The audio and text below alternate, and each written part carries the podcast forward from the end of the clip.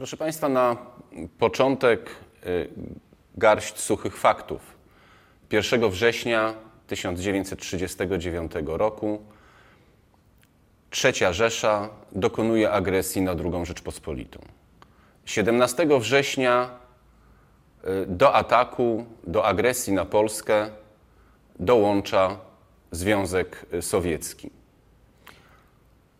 Rozpoczyna się druga wojna światowa, która dla Polaków będzie oznaczała okupację ich terytorium, będzie oznaczała eksterminację ludności cywilnej, będzie oznaczała grabież majątku narodowego, rabunkową politykę gospodarczą dwóch okupantów niemieckiego i sowieckiego, potem oczywiście już tylko e, państwa niemieckiego, będzie oznaczała niewolniczą pracę dla obywateli Polski międzywojennej.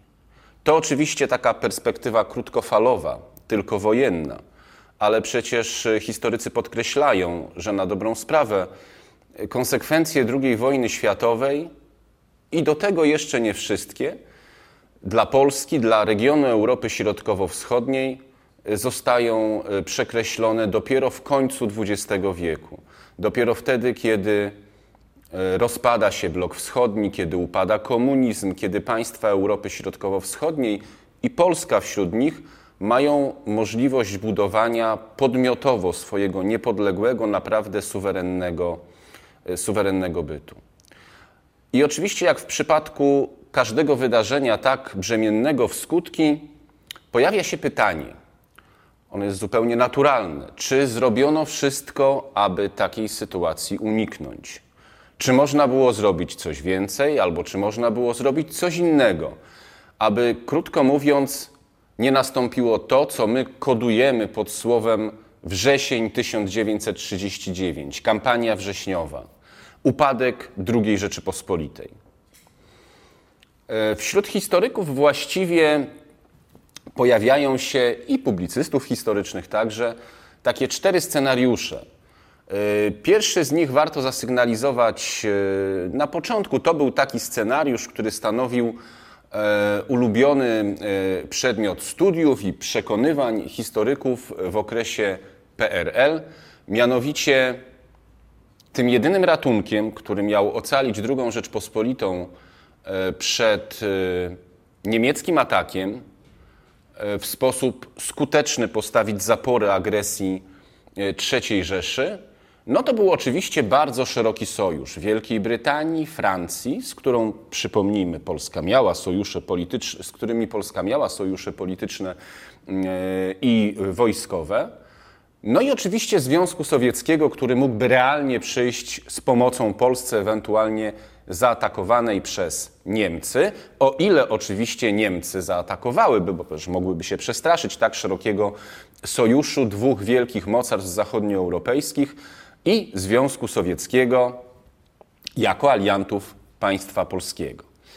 E, za upadek tego sojuszu, a właściwie za jego niedojście do skutku, e, oskarżano powszechnie polską politykę zagraniczną, przede wszystkim ministra Beka, który możliwość takiego układu zanegował.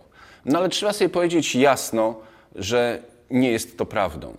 Otóż, e, o ile Beck rzeczywiście był nastawiony w sposób bardzo zdystansowany do takiego układu, to przede wszystkim trzeba podkreślić fakt, że ani Wielka Brytania, ani Francja takiego układu ze Związkiem Sowieckim nie traktowały poważnie. Prowadzone negocjacje miały być tylko straszakiem, który miał ewentualnie uniemożliwić Hitlerowi rozpoczęcie wojny. Z drugiej strony warto pamiętać również i o tym, że Związek Sowiecki był w komfortowej sytuacji. Jego przywódca Stalin właściwie czekał z założonymi rękoma na oferty, ponieważ pamiętajmy, z jednej strony Wielka Brytania i Francja negocjowała z nim, e, chcąc powstrzymać Niemcy, ale z drugiej strony przecież ofertę nie do przebicia wysunęła właśnie Trzecia Rzesza. To był pakt Ribbentrop-Mołotow, to był pakt podziału Europy e, Środkowo-Wschodniej i to był pakt, który tak naprawdę realizował interesy i Związku Sowieckiego i III Rzeszy. Wielkiej Brytanii i Francji zależało na konserwowaniu porządku który już i tak upadał, porządku, który możemy określić mianem ładu wersalskiego. Oczywiście zainteresowana była w tym także II Rzeczpospolita. Związkowi Sowieckiemu i Niemcom chodziło dokładnie o coś zupełnie innego. Stąd dogadały się i stąd porozumienie, które zostało zawarte 23 sierpnia 1939 roku. A więc ten scenariusz możemy spokojnie odłożyć na półkę jako scenariusz, który po prostu nie mógł być zrealizowany. No ale pojawia się też pokusa, rozpatrzenia wariantu poparcia przez II Rzeczpospolitą wcześniej, jeszcze w 1938 roku Czechosłowacji. Przypomnijmy, Czechosłowacja, państwo e, umocnione na swoich zachodnich granicach, państwo jak na warunki Europy Środkowo-Wschodniej, z potężnym potencjałem przemysłowym, mówimy tutaj o e, przemyśle zbrojeniowym, a więc taki układ, kiedy Niemcy wysuwają żądania wobec Czechosłowacji jeszcze w 1938 roku, alians, sojusz polsko-czechosłowacki, to rzeczywiście kusi jako alternatywa dla września 1939 roku. Mm, przyczyna niedojścia do skutku takiego porozumienia, e, jako przyczynę e, niedojścia do e, układu polsko-czechosłowackiego przeważnie wysuwa się oczywiście E, no jednak zdystansowany stosunek obydwu państw do siebie nawzajem, e, konflikt o e, Śląsk Cieszyński, o tak zwane Zaolzie, fakt, że oczywiście Czechosłowacja popierała mm, nastroje narodowe wśród polskich Ukraińców. Polacy odwdzięczali się Czechosłowacji wspierając Słowaków w ich, w ich dążeniach irredentystycznych. Y, Czechosłowacja miała pozytywny stosunek do Związku Sowieckiego, Polska oczywiście, która zakończyła wojnę z Rosją sowiecką jeszcze w 1921 roku. Oczywiście ten stosunek był y, znacznie bardziej y, chłodny, ale warto rozważyć jeszcze, no i jeszcze pamiętajmy o tym, ten scenariusz kusi też i dlatego, że przecież my dzisiaj wiemy, że już kiedy Hitler wysuwał żądania wobec Czechosłowacji, generalicja niemiecka uważała, że przynajmniej w znacznym stopniu, znaczna część tej generalicji, że jest to działanie samobójcze, że ono musi wywołać reakcję ze strony Wielkiej Brytanii i Francji i ten sen o potędze III Rzeszy właściwie skończy się, zanim się jeszcze na dobre zaczął. W takim przypadku połączenie sił Polski i Czechosłowacji być może by spowodowało, jest taka teza, funkcjonuje w historiografii, że to, co my znamy pod hasłem zamach lipcowy na Hitlera w 1944 roku, być może miałoby miejsce wcześniej, być może wcześniej zostałby on odsunięty od władzy mm, przez, y, przez armię. Co w związku z tym e, doprowadziło do sytuacji, w której ani Rzeczpospolita, ani Praga do takiego układu nie przystąpiły. Wydaje się, że bardzo istotnym elementem, o którym trzeba powiedzieć, jest to, że po pierwsze, postawienie się w roli obrońcy Czechosłowacji przez Polskę w 1938 roku właściwie stawiałoby pod znakiem zapytania całą dotychczasową filozofię polityczną polskiej dyplomacji, polskiego Ministerstwa Spraw Zagranicznych. Filozofia była prosta. Oddalamy widmo wojny. Każdy rok pokoju to rok wygrany dla Polski. W tym momencie Polska niejako robiłaby krok w kierunku ewentualnego oczywiście konfliktu zbrojnego, mm, wspierając Czechosłowację, sama wysuwając się na pierwszą linię.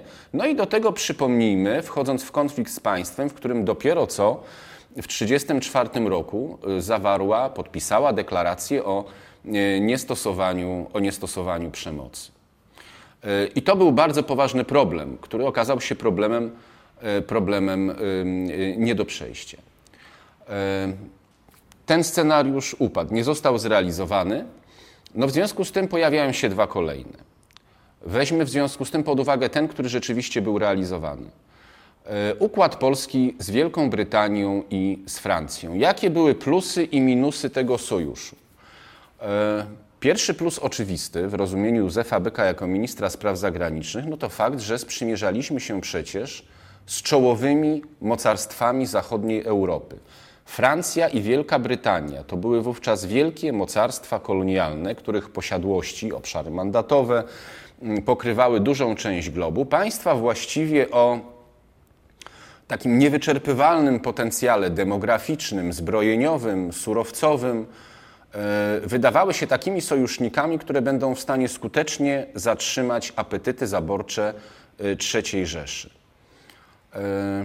Plusem w rozumieniu Beka było również i to, że uważał Brytyjczyków i Francuzów za realistów.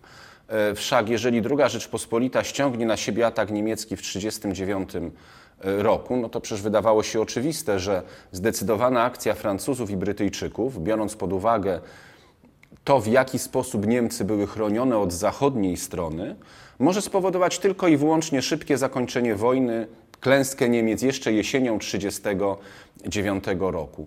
Plusem takiego układu było wreszcie i to, że y, ten układ mógł doprowadzić do tego, że Hitler w ogóle nie byłby w stanie zrealizować swoich zaborczych roszczeń, bo przecież brałby pod uwagę, że znajduje się w kleszczach.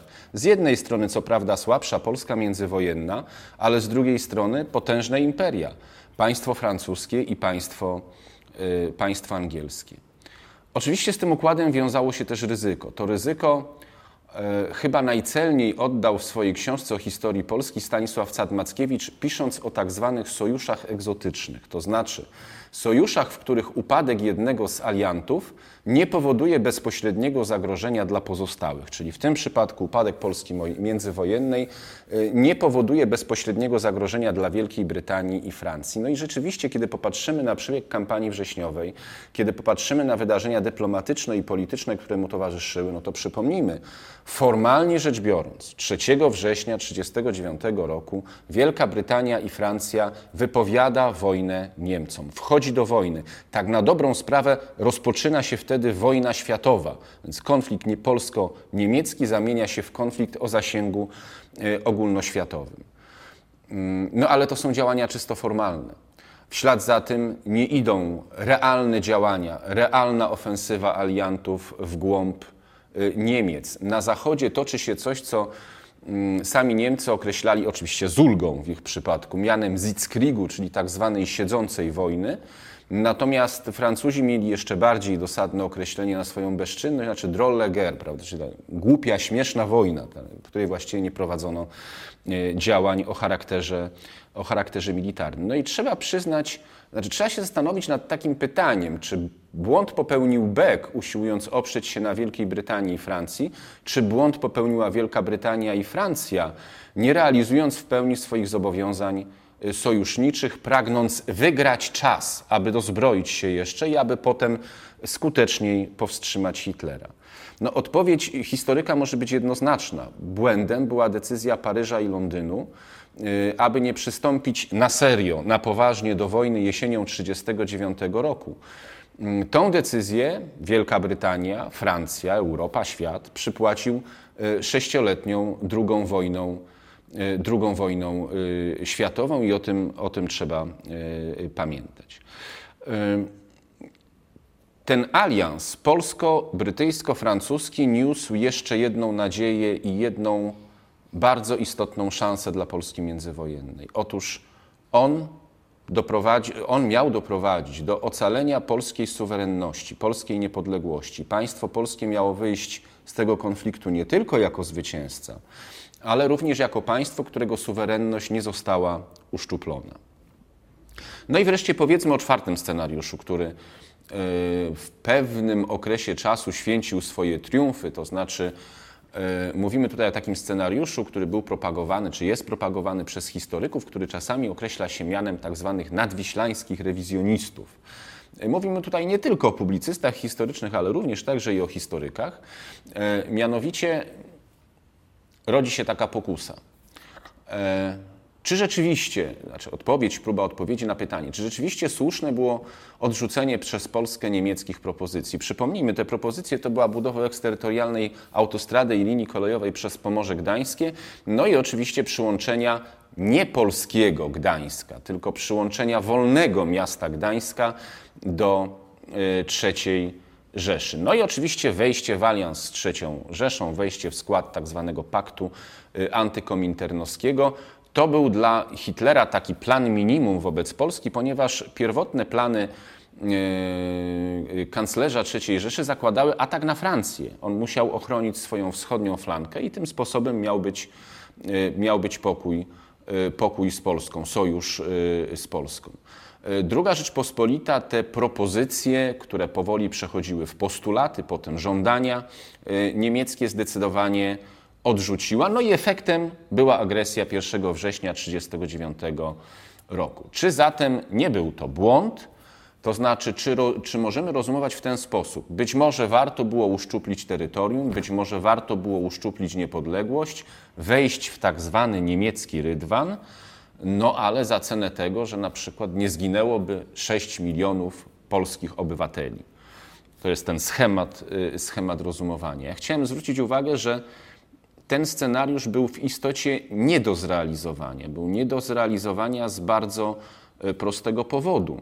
My musimy y, uważać, by nie popełniać tak zwanego błędu ahistoryzmu, to znaczy musimy rozumować w sposób, albo przynajmniej rozum, próbować rozumować w sposób, w jaki rozumowali e, ówcześni Polacy, ówcześni politycy, publicyści, wojskowi, albo po prostu zwykli obywatele Polski międzywojennej. Polski, która w 1918 roku po 123 latach zaborów odzyskała niepodległość. E, państwa, które miało ambicje pewnego porządkowania regionu Europy Środkowo-Wschodniej. No i nie da się ukryć na tym obszarze Europy Środkowo-Wschodniej pomiędzy Rosją Sowiecką, potem Związkiem Sowieckim, a III Rzeszą, no było jednak państwem najsilniejszym o najsilniejszej armii, o bardzo istotnej pozycji politycznej, państwem dość stabilnym politycznie, no między innymi po przewrocie, e, po przewrocie majowym. Nie mieściło się w kategoriach pojęć, których używali, którymi posługiwali się polscy politycy, elity polityczne, kulturalne, obywatele Polski międzywojennej, nie mieściło się pojęcia uszczuplenia suwerenności państwa polskiego, które trwało, budowało się dopiero 20 e, lat. E, I to był, jak się zdaje, pierwszoplanowy powód odrzucenia e, żądań niemieckich. To po prostu było nie do zrealizowania. Z drugiej strony na to trzeba nałożyć fakt, o którym mówiłem wcześniej. Wydawało się bowiem, i trzeba to podkreślić, to było rozumowanie racjonalne ze strony polskich polityków, że sojusz brytyjsko-francusko-polski zabezpiecza niepodległość i całość terytorialną państwa polskiego. Zabezpiecza dlatego, że po pierwsze może odstraszyć Hitlera od wywołania wojny, a po drugie, jeżeli ta wojna już wybuchnie, to wtedy pomoc z Zachodu będzie na tyle skuteczna, że wojna zakończy się po pierwsze klęską Berlina, po, pierwsze, po drugie zaś zakończy się jeszcze jesienią 1939 e, roku. Mm, rozpatrzenie tych scenariuszy myślę, że powinno jeszcze jedno nam e, dać, mianowicie musimy pamiętać o kwestii następującej. My jesteśmy mądrzejsi niż nasi przodkowie sprzed kilku dekad. My wiemy, co się wydarzyło. E, rozumując w ten sposób, że będziemy się opierać na tej naszej wiedzy, no po prostu popełniamy błąd, tak jak powiedziałem, pewnego ahistoryzmu. E, historyk, badając przeszłość, powinien się równocześnie w niej poruszać, inaczej może e, diagnozować historię i wyciągać z niej, diagnozować błędnie i wyciągać z niej błędne wnioski.